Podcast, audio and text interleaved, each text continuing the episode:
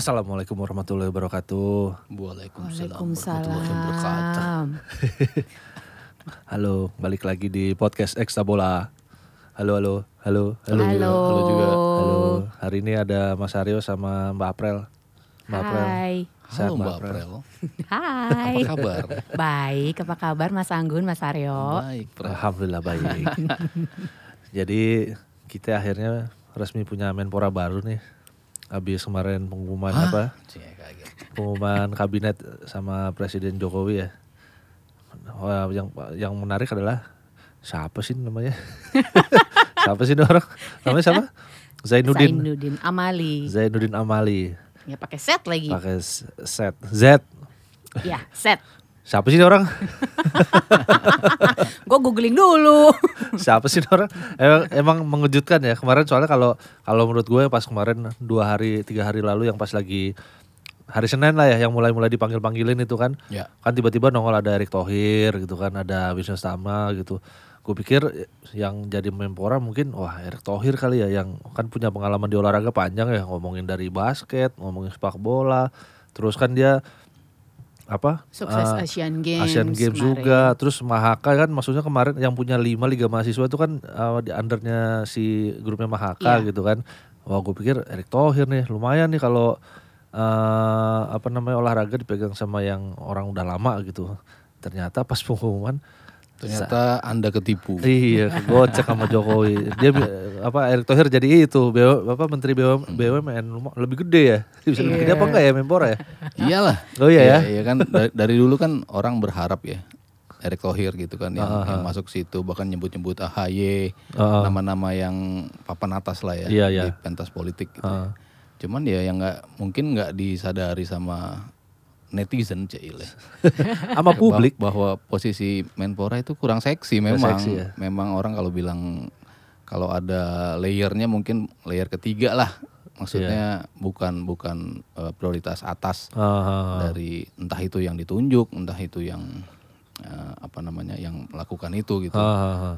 Jadi kalau kita berharap Erick Thohir kayaknya dia terlalu besar profilnya untuk, Untuk, menjadi seorang Menpora gitu. Da- dari awal gue udah nggak mungkin lah Erik eh, Pak Erik gitu mau Ah. ngambil posisi Menpora karena karena ya walaupun tadi Anggun ngomongin eh, begitu panjang gitu kan Ah. dari zaman gue masuk bola dia masih jadi manajer Mahaka loh Iya, gitu. Mahaka baru baru nongol lah klubnya gitu kan.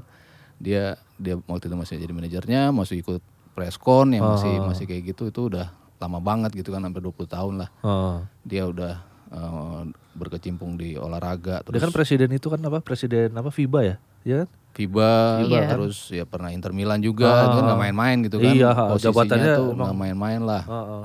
tapi ya itu ternyata in a way eh, kalau gue bilang kurang seksi buat seorang Erick Thohir dan ternyata buat Pak Jokowi juga olahraga belum menjadi fokus nih kalau Iya. belum menjadi apa ya eh, something yang Belum prioritas, Prioritas ya. lah. Karena masih banyak hal lain kan. Mm-mm, kalau kita kalau kita bilang yang bisa membanggakan kita apalagi sih selain olahraga gitu kan yang Iya, bisa buat Indonesia Raya berkibar apalagi sih Ah, ah. kalau bukan lewat olahraga gitu kan Iya. nggak mungkin kan lewat BUMN gitu Wah, Indonesia Raya berkibar kan enggak Iya. gitu kan Ya BUMN-nya kalau kan kalau BUMN berkibar kan pasti entah jadi sponsor gitu Iya. kan, paling kayak gitu. kaitannya kan kayak gitu cuman kalau langsung tuh kayaknya belum gitu dari Ah. presiden kapan pun eh, terbukti gitu Ah. olahraga tuh yang kalau sebelum sebelumnya ada Pak Harto mungkin sisi pemudanya justru yang kuat Iya, kan kayak ketuanya KNPI Heeh. Golkar Muda yang Iya. Pak Yono Isman gitu kan emang lebih ke Kepemudaannya ya. kepemudaannya gitu cuman bukan dari Olahraganya. olahraga itu sendiri makanya ketika tapi gue nggak juga nggak ngira juga bahwa kok buangan banget gitu? Maaf nih pak. Iya. Iya. Soal yang menarik emang gini soalnya pas Erick Thohir beberapa waktu lalu kan pas jadi apa namanya ketua tim sesnya apa Iya, eh, kepemenangan, BPN ya, apa Jo- Jokowi Maruf Amin dia bilang ditaw- kalau ditawarin jadi menteri nggak mau. Sampai ada meme gini kalau apa eh, kalau jadi menteri di atasnya eh, kalau jadi Menpora saya memilih nggak itu deh saya milih nggak milih jadi apa namanya nggak milih jadi menteri. Hmm. nggak tertarik Terus ada tulisan lanjutan, kalau jadi Menteri BUMN, terus tiba-tiba um, di bawah kutipan berita Erick Thohir datang mengenakan kemeja putih ke istana. langsung Iya, siap iya. Jadi emang bener kata Mas Aryo, uh, apa Menpora posisi Menpora ini emang nggak seksi. Tapi posisi politis sih lebih Isi ya, karena kan di biasanya buat jatah-jatah itu kan. edisi kemar edisi sebelumnya itu dari Demokrat, Demokrat. karena Pak Pak SBY megang Heeh. Demokrat Kemarin itu lalu P- PKB.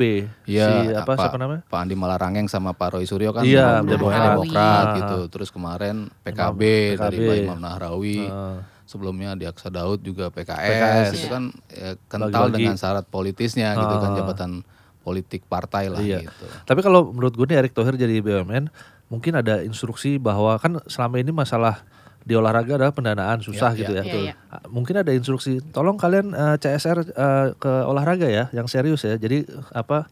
eh, ya maksud gua kan kalau ngeliat olahraga, perintah langsung gitu iya ya. bisa jadi dong Iya kan. bisa. eh, Harapan kita begitu lah. Iya, soalnya kan kalau ngomongin dana kan ya pasti ujungnya ke swasta ya ngomongin jarum lagi, ngomongin ya yang lain-lain lah. Maksudnya yang BUMN kan belum terorganisasi secara jelas. Paling yang yang olahraga apa sih BNI ya? BNI, kan volley. BRI, BRI apa?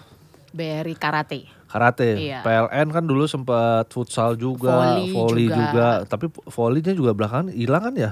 Masih ada Masih sih ada dia. ya? Masih, Iya, masih. Masih ya? Masih. Elektrik itu ya? Masih, Masih ya? Ah, masih. elektrik terus futsalnya kan juga Futsal, ada kan. PLN. Apalagi ya? sih. Yang Iya. tapi maksud gua belum, belum kayak apa hilang Belum gitu. terkoordinasi Oh, sih. Jadi iya. memang kalau dengan adanya Pak Erik, saya pikir juga akhirnya Saya mereka pikir. saya pikir Terus, terus, terus. banget ya jadi maksudnya karena memang selama ini dari sejak kita jadi tuan rumah SEA Games 2011 BUMN itu selalu didorong didorong tapi nggak sampai jatuh sih Iya. yang didorong untuk selalu menolong menolong dan menyokong olahraga Indonesia tapi Iya. pada ujung-ujungnya tuh selalu antar departemen itu selalu ada semacam miskomunikasi yang Aha. ujung-ujungnya akhirnya tidak menolong dengan tidak menyokong 100%. Jadi mungkin dengan ada Pak Erik dia sudah berpengalaman ketika dengan bisnisnya sendiri ngurusin Asian Games lalu dia juga melihat bagaimana merananya olahraga Indonesia ya benar tadi yang kata Mas Aryo dengan adanya dia di BUMN mungkin ini adalah sinyal positif dan Iya. memang juga atlet-atlet juga bingung sih sebenarnya menteri yang baru ini siapa dari kebanyakan yang uh, gue ajak ngobrol mereka bingung bentar ya mbak googling dulu ini Menteri, siapa Menteri Menpora maksudnya? Menpora, Oh, yang, Menpora baru. Mereka juga memang sebenarnya pengennya sih Pak Erik ya karena berpengalaman Iyalah. dari Asian Games yang kemarin tuh uh, dia memang sangat care Dia dan pernah jadi CDM gak sih? jadi Pernah, pernah, pernah pernah, Yang SEA Games. SEA Games ya? Mm-mm, apa? pernah. Udah, udah berapa kali ya? Udah Sekali apa dua kali gitu ya? Udah kali pernah ya singkat gue tuh Iya, Erick udah Thohir. pernah. Dan dia emang paham bagaimana Aha. untuk manage Ketua- sesuatu. ketua KOI juga Ketua terakhir. Ketua Juga, KOI ha. juga. Terus juga dia udah namanya udah oke banget lah di Ah. internasional juga. Jadi memang ya kita tunggu saja nanti BUMN ini nanti seperti apa dukungannya untuk Kemenpora. Iya. Siapa tahu ya. Ya maksud gua kan selama ini kan yang Menteri BUMN kan bukan bukan orang yang punya background olahraga juga gitu kan. Iya. Ya siapa tahu sekarang tahu nih ada posisi yang eh, orang olahraga di posisi gede gitu kan siapa tahu ya. Iya, saya berharap. Soalnya kan kalau ngomongin olahraga eh, Indonesia bentar lagi lagi ada banyak event gede nih kan. Eh, jadi perannya Pak Zainuddin ini juga gede banget nih. Bentar lagi ada eh, akhir SEA tahun ada SEA Games. Games November bentar lagi. Terus ada PON 2020 Iya. di Papua. Kalau jadi Kalau Piala jadi Dunia U20. Iya, Piala Dunia Iya. U20 juga di terus ada Olimpiade, Olimpiade Tokyo 2020 juga. Terus yang Pak yang gede lagi yang bantuin lobi-lobi pemerintah buat itu kan apa namanya Olimpiade 2032. Iya benar. Jadi emang eh, belum apa-apa ini udah ada beberapa event gede nih depan Hmm. mata nih sama Pak Zainuddin. Nah, masalahnya adalah dia latar belakangnya nggak ada olahraga Kalau dibilang sih dia gemar olahraga. Loh, Gemar olahraga. itu bukan ya? Iya. ya Itu paling nggak agak- ada agak- sedikit lah ya. Agak lucu juga kan ditanya wa- wartawan Eh, kan. Pak ditanya, olahraga "Pak, favoritnya apa? Pak apa Pak ini eh, berkecimpung di olahraganya apa nih Pak Ah, gitu. ah. Oh, saya hobi olahraga. Oh, Oke. Iya. Terus olahraganya apa ditanya? Gue kemarin lihat di CNN. Olahraga ya saya sih jalan jalan kaki, jogging. Wah saya satu tim dong sama bapak. Gak maksud gue, gue pikir gue pikir ol- olahraganya yang benar-benar apa spesifik apa ini kan olah, apa jogging kan umum ya. Iya, iya. Apa gitu maksudnya olahraga menembak Dan, gitu. dan rekreasi kayaknya. ya. Iya. Kalau ada waktu saya berenang gitu dia bilang gitu. Jadi maksudnya bukan bukan orang yang emang intens, Praktisi ah, ya. praktisi gitu. Jadi emang yang cuma sekedar olahraga yang buat ngejaga itu doang, sehatan gitu, rekreasi bener. Tapi paling nggak dia berolahraga kan ya. Dan memang kalau mau dilihat juga perjalanan menpora-menpora sebelumnya kan ya, mereka rata-rata memang sangat jauh dari olahraga, istilahnya tidak ada irisannya sama sekali. Tapi kalau dipikir-pikir lagi semuanya bentukannya sama ya. Olahraganya masih minim, tapi yang Iya. jelas nanti bagaimana dia bisa memilih staf khusus, staf ahlinya Ah. untuk pembisik-pembisiknya ya. Jangan sampai dia memilih pembisiknya yang nggak benar, jadinya olahraganya berantakan. Ah. Nah kalau dia milih pembisiknya yang oke, berarti olahraganya bagus. Si ini Pak Zainuddin ini kan orang Golkar ya. Iya. Ada tokoh olahraga yang Golkar nggak? Golkar. Pasti kan kalau dari partai gitu pasti nggak. Iya, siapa ya? Pasti dia diajak lah ya. Ada ada yang enggak ya? Siapa ya? Gue juga nggak tahu sih. apa, apa tuh? kan Yang dari Pak Zainuddin ini ya. kan dari Golkar. Mm. Nah ada tokoh olahraga yang ah, nempel ke Golkar nggak atau dia emang kader kan? Kalau kemarin ada beberapa yang atlet-atlet kan apa bekas atlet kan yang apa eh, Iya, pemilu. partainya partainya non Golkar Iya iya. biasanya kan. Heeh, biasanya PAN, Nasdem, ah, PAN. Nasdem yang baru apa ya, Haryanto Arbi PSI gitu kan. Yang Golkar apa ya? Ada nggak ya? PDIP. Heeh, kayaknya enggak. Terus ya Moreno di Gerindra. Oh gitu iya kan. Moreno. heeh.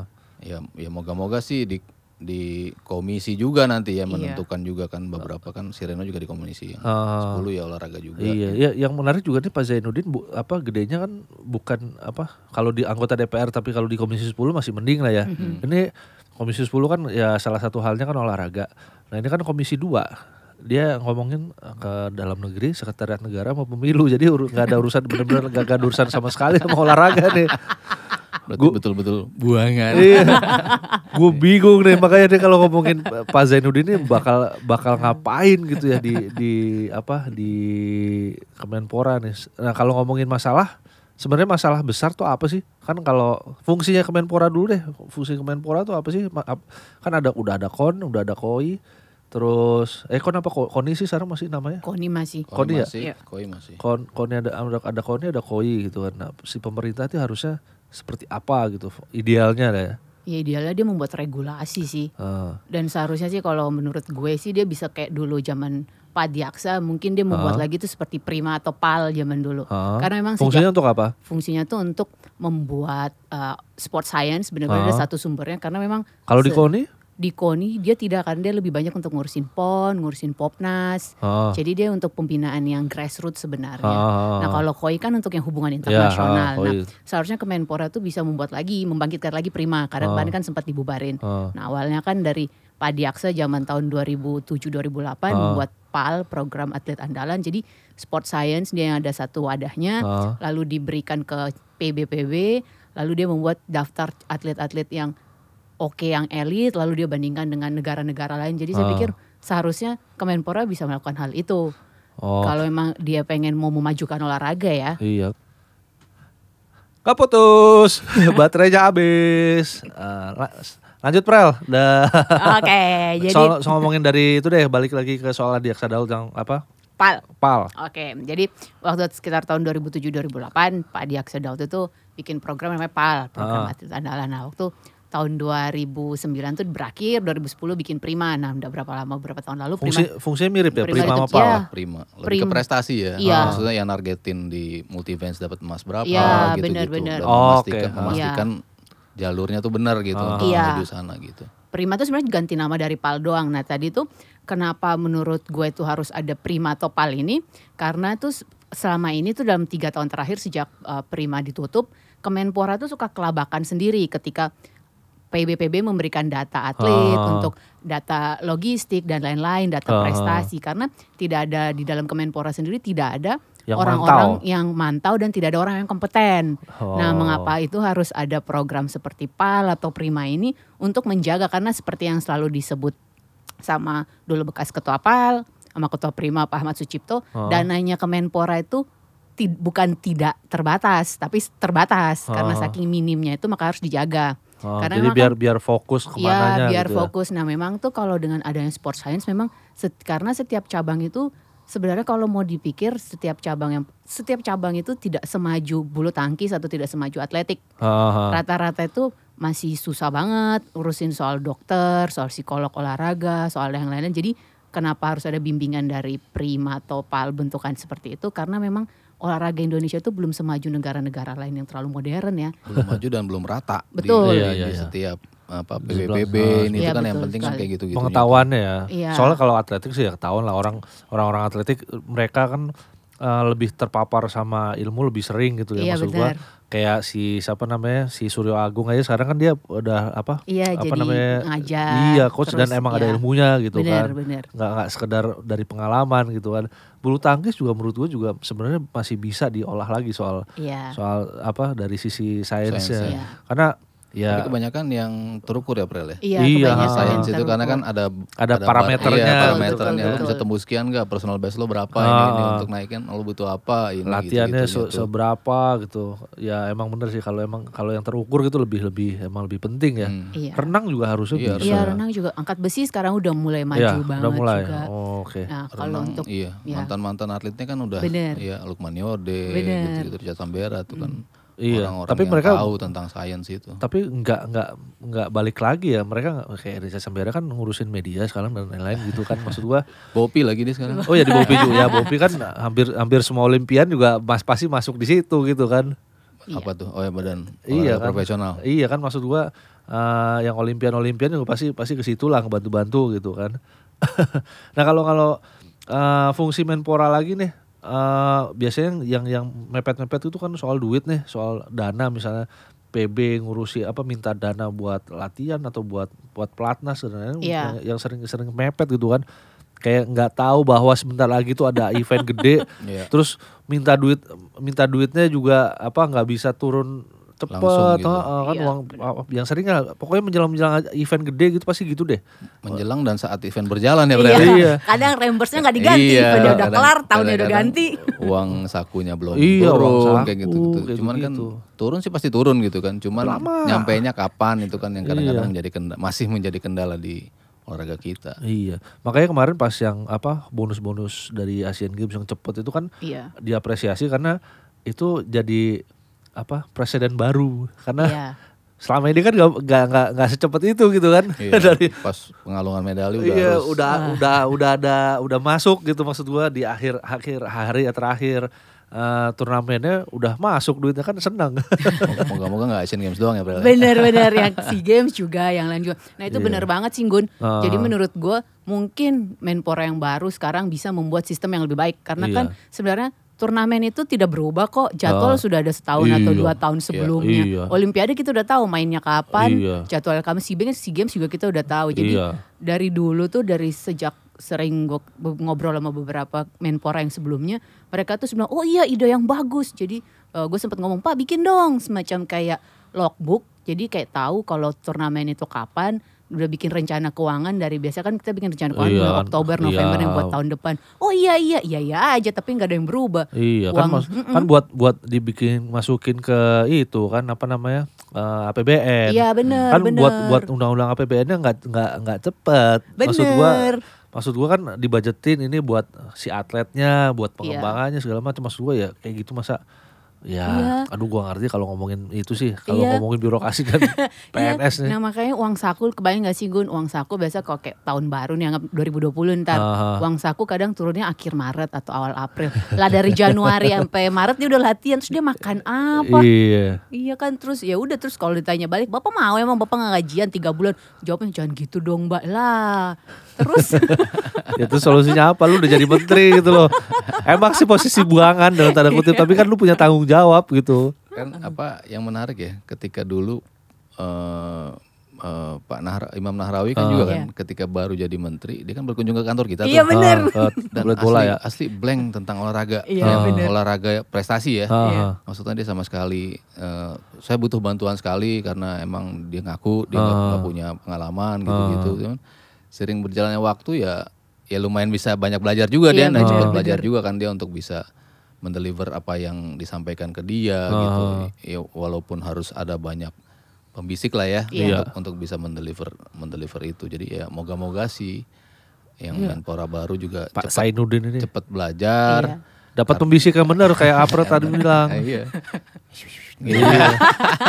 takut takutnya kalau dapat pembisik yang bu, bu- apa jelek itu ya Ya har- sama harusnya sinergi ya Brel ya. Iya, Maksudnya Kemenpora, KOI, KONI itu Iya. Ah. nggak masing-masing lagi. Dulu Iya. kan Satlak Prima juga eh, Punya merasa sendiri. beda Iya. juga yang kayak gitu-gitu Si kan. Sendiri. Iya, ya. kayaknya harus oh target Charlotte Prima segini kok. Oh target Koni beda lagi gitu Iya, kan. iya, Kadang-kadang kan Ada target Kemenpora juga Iya, tiga itu target. Beda beda kan jadi Oh. atletnya sendiri juga. Gua ngikutin yang mana Iya, sebenarnya. gitu kan. Empat deh target PB. Iya, Ayo. PB juga gitu. Nah, terus yang kemarin menarik juga yang apa eh, Raja Sabta Okto ya Ah. dia Iya. kepilih jadi ketua KOI. Terus dia juga bilang kalau PON itu mau dimanfaatin sebagai ajang apa kualifikasi ya. Iya. Jadi penyaringan sendiri gitu. Jadi bukan lagi orang juara mencari duit di PON. Iya. Cuman memikirkan bagaimana lo bisa mendapat best time untuk bisa lolos ke multi event yang, Yang SEA lebih Games ya, tinggi. di atas Iya, ya. itu kan juga suatu Terobosan yang lah ya. posi- positif lah. Semoga semuanya berjalan bersinergi itu aja sih. Iya, jadi emang benar sih kalau pon jadi selain buat itu juga buat itu apa namanya tempat belajar anak-anak muda kan. Hmm. Mas- Masa lu ngelawannya yang levelnya udah Iya, olimpian gitu ya yang- kalah yang lah. Olimpian yang cuman cuman nambah-nambah pundi-pundi duit doang kan. Iya, ya pasti Kayaknya udah kalah bukan lah. waktunya lagi gitu kan. Iya, emang harusnya begitu sih kan. Itu kan levelnya level juara nasional ya ya dipakai lah buat nyari-nyari anak muda gitu kan. Di mana Iya, lagi benar. mereka mau apa buat latihan gitu, buat ngerasain kompetisi kan. Kalau di di lokalnya jarang ngeras- ngerasain apa kompetisi ya gimana mau lu berprestasi di eh, internasional ya nggak? Iya. Tapi ini mungkin juga PR buat Menpora selanjutnya ya mungkin Hmm. bagaimana Setelah Pak Zainuddin iya, maksudnya. eh, Pak Amali. Pak, Pak Zainuddin apa Pak Amali? Susah bilang setnya Pak Amali aja ya. Pak Amali jadi bagaimana dia bisa melobi daerah-daerah karena memang atlet-atlet yang elit itu seneng banget turun di PON Ah. karena bonusnya gede. Iya. Lebih gede. Kadang biasa Oh iya, lebih gede gede, dari banget. bonus Asian Games atau bonus SEA Games. SEA Jadi Games, ya. bagaimana nanti Pak Amali bisa melobi-lobi karena pasti juga intinya atlet pasti akan tidak senang sih ketika PON nanti bonusnya diturunin Iya. atau bentuknya Oh. seperti itu. Tapi bagaimana Pak Amali nanti ini tuh demi untuk kelanjutan prestasi Terus Indonesia. udah udah nggak boleh atlet nyebrang-nyebrang udah nggak boleh ya? Iya, iya. Oh, yang nyebrang provinsi ya. Iya, dulu kan oh dikumpul lah di Jatim, Iya. ya apa Jakarta kan Iya, biasanya gitu kan. oh. Dulu pas Kaltim lagi Jaya semua ke Kaltim iya. gitu kan. Waduh. Ya, itu. jadi hi- hilang esensi itunya Iya. esensi apa ya buat Kompetisinya, kompetisinya cari karena oh, oh. jadi orang cuma buat nyari juaranya bukan nyari prosesnya ya nggak sih Eh, Ya, itu nyari bonusnya. nyari bon iya iya nggak bagus juga secara overall buat olahraganya Iya, benar, gitu benar kan banget. karena orang akhirnya menang itu itu lagi itu itu lagi Iya. kecuali emang tiba-tiba ada satu dua tapi kan itu akhirnya bukan bukan based on system ya karena ada Iya. wah ada talenta bagus nih Benar. satu dua itu kan kita nggak bisa ngandelin itu doang gitu Iya. ya kalau ngomongin olahraga gitu. dulu dulu Mari Lestari ya. Iya. Pertama Ah. kali 10 20 itu kan di PON ya. Iya. Di PON itu kan juga bagus tuh habis itu Ah. kan oh nerusin ke level selanjutnya memang dimulai dari PON gitu. Ah, iya iya Yang kayak gitu. Iya, gitu. Tapi harusnya kalau nyari kayak kalau gitu. misalnya Surya Agung menang ya iyalah dia udah level SEA Games SEA misalnya. Games, gitu kan. iya, Ini kan heeh, makanya mencari yang kayak gitu-gitu. kayak tuh. kayak si lalu Zori udah nggak usah ngapain di pon lu latihannya terus ikut Iya, kompetisi internasional bener-bener. ngapain main di pon malah bikin cedera lagi kan nggak lucu kan apalagi udah SEA Games udah bentar lagi kan Iya. eh kok SEA Games oh dia 2020 deh salah Iya. deh pasti SEA Games ikut ya lalu pasti SEA ikut ya? Games. Belum tahu sih ikut nggak ya, Mas? Nggak tahu juga sih. iya, tergantung ya. Iya. Mungkin dia disimpan. Soalnya kemarin kan dia habis ikut kejuaraan dunia oh kan. iya Jadi Ah, Olimpiadanya udah tinggal iya tahun depan. Olimpiade tinggal tahun depan. Jadi Games mungkin takutnya risiko iya. ya. Hmm. Mm, jadi mungkin Tapi antara kalau ya. Toto pas nargetin banyak, waduh, Waduh. mau nggak mau nih, mau nggak mau harus. Iya. Nah ini yang menarik juga eh, Pak Zainuddin ini emang jadi itu pemecah tren. Eh, Dia udah nggak, dia udah nggak berdakwah ya. Zainuddin Zainuddin MZ. Orangnya udah gak ada. Dan gak berkumis. gitu. iya. Karena dia apa Menpora pertama semenjak eh, 2004 yang nggak ada kumisnya. Terus eh, semoga karena nggak ada kumisnya dia nggak aneh-aneh ya kan Menpora yang kumisan aneh-aneh tuh. ya Pak Diaksa Daud enggak lah ya. Iya. Agak normal dikit lah ya. ya Pak Andi Malarangeng terus siapa Pak Imam Narawi kena korupsi. Pak Roy Suryo. Pro Suryo ngembat panci. Dia mau bikin restoran gitu. iya, oh iya iya iya. Maksud gua Menpora kita tuh aneh-aneh gitu. Maksudnya lu kan olahraga yang harusnya eh, sportivitas gitu ya. Menjunjung tinggi nilai-nilai apa namanya nilai-nilai luhur sportivitas. Eh dia korupsi. Terus i- pesannya dari Pak Jokowi, jangan korupsi. Wow, pesan penting tuh ya dari awal. tuh Iya ya. langsung jangan korupsi. Terus kalau Pak Zainuddin di, langsung dicolek kan sepak bolanya Pak. Alah gak usah diurusin Pak, sepak bolanya bubarin aja gak ada prestasinya. Iya kata kata apa? Kata Sri Sultan juga kan. Heeh. Ah, sepak bola mendingan gak usah ada di Jogja kan. Kemarin rusuh juga kan. Rusuh ya, yang PSIM ya. sama apa kok bukan Sleman satu lagi. siapa? Eh, aduh gue lupa. Iya yang rusuh yang Iya iya. sampai mu- mukul-mukul itu terus wartawannya ada Persis, yang Persis persis Solo. iya iya. Iya makanya ya udahlah mending gak usah aja sepak bola lah. Ngapain sih? Jangan dong. Ntar kita Ntar kita nonton nggak- apa? Ntar kita gak kerja Gun. Iya benar. Ntar kita juga nggak kerja Oh, iya. nonton apa? iya iya. Iya benar juga sih terus gak ada yang dibahas juga ya. iya ya udah lah. Eh, gitu aja bahasan kita soal eh, Menpora baru. Eh, seperti biasa kalau ada yang baru-baru pasti ada kita selalu menggantungkan harapan yang baru ya nggak sih? Iya, Betul. Harus harus. Iya. Optimistis harus. Iya. Ya semoga aja sama sering ngobrol sama Pak Erick Thohir dah Bi- biar biar dibantuin sama BUMN ya. Iya benar. Semoga amanah. Semoga amanah. ha-ha. Iya iya ya udah terima kasih udah dengerin podcast kita soal Menpora baru. Eh, kita ketemu lagi di episode selanjutnya. Dadah. Bye. Assalamualaikum. Halo.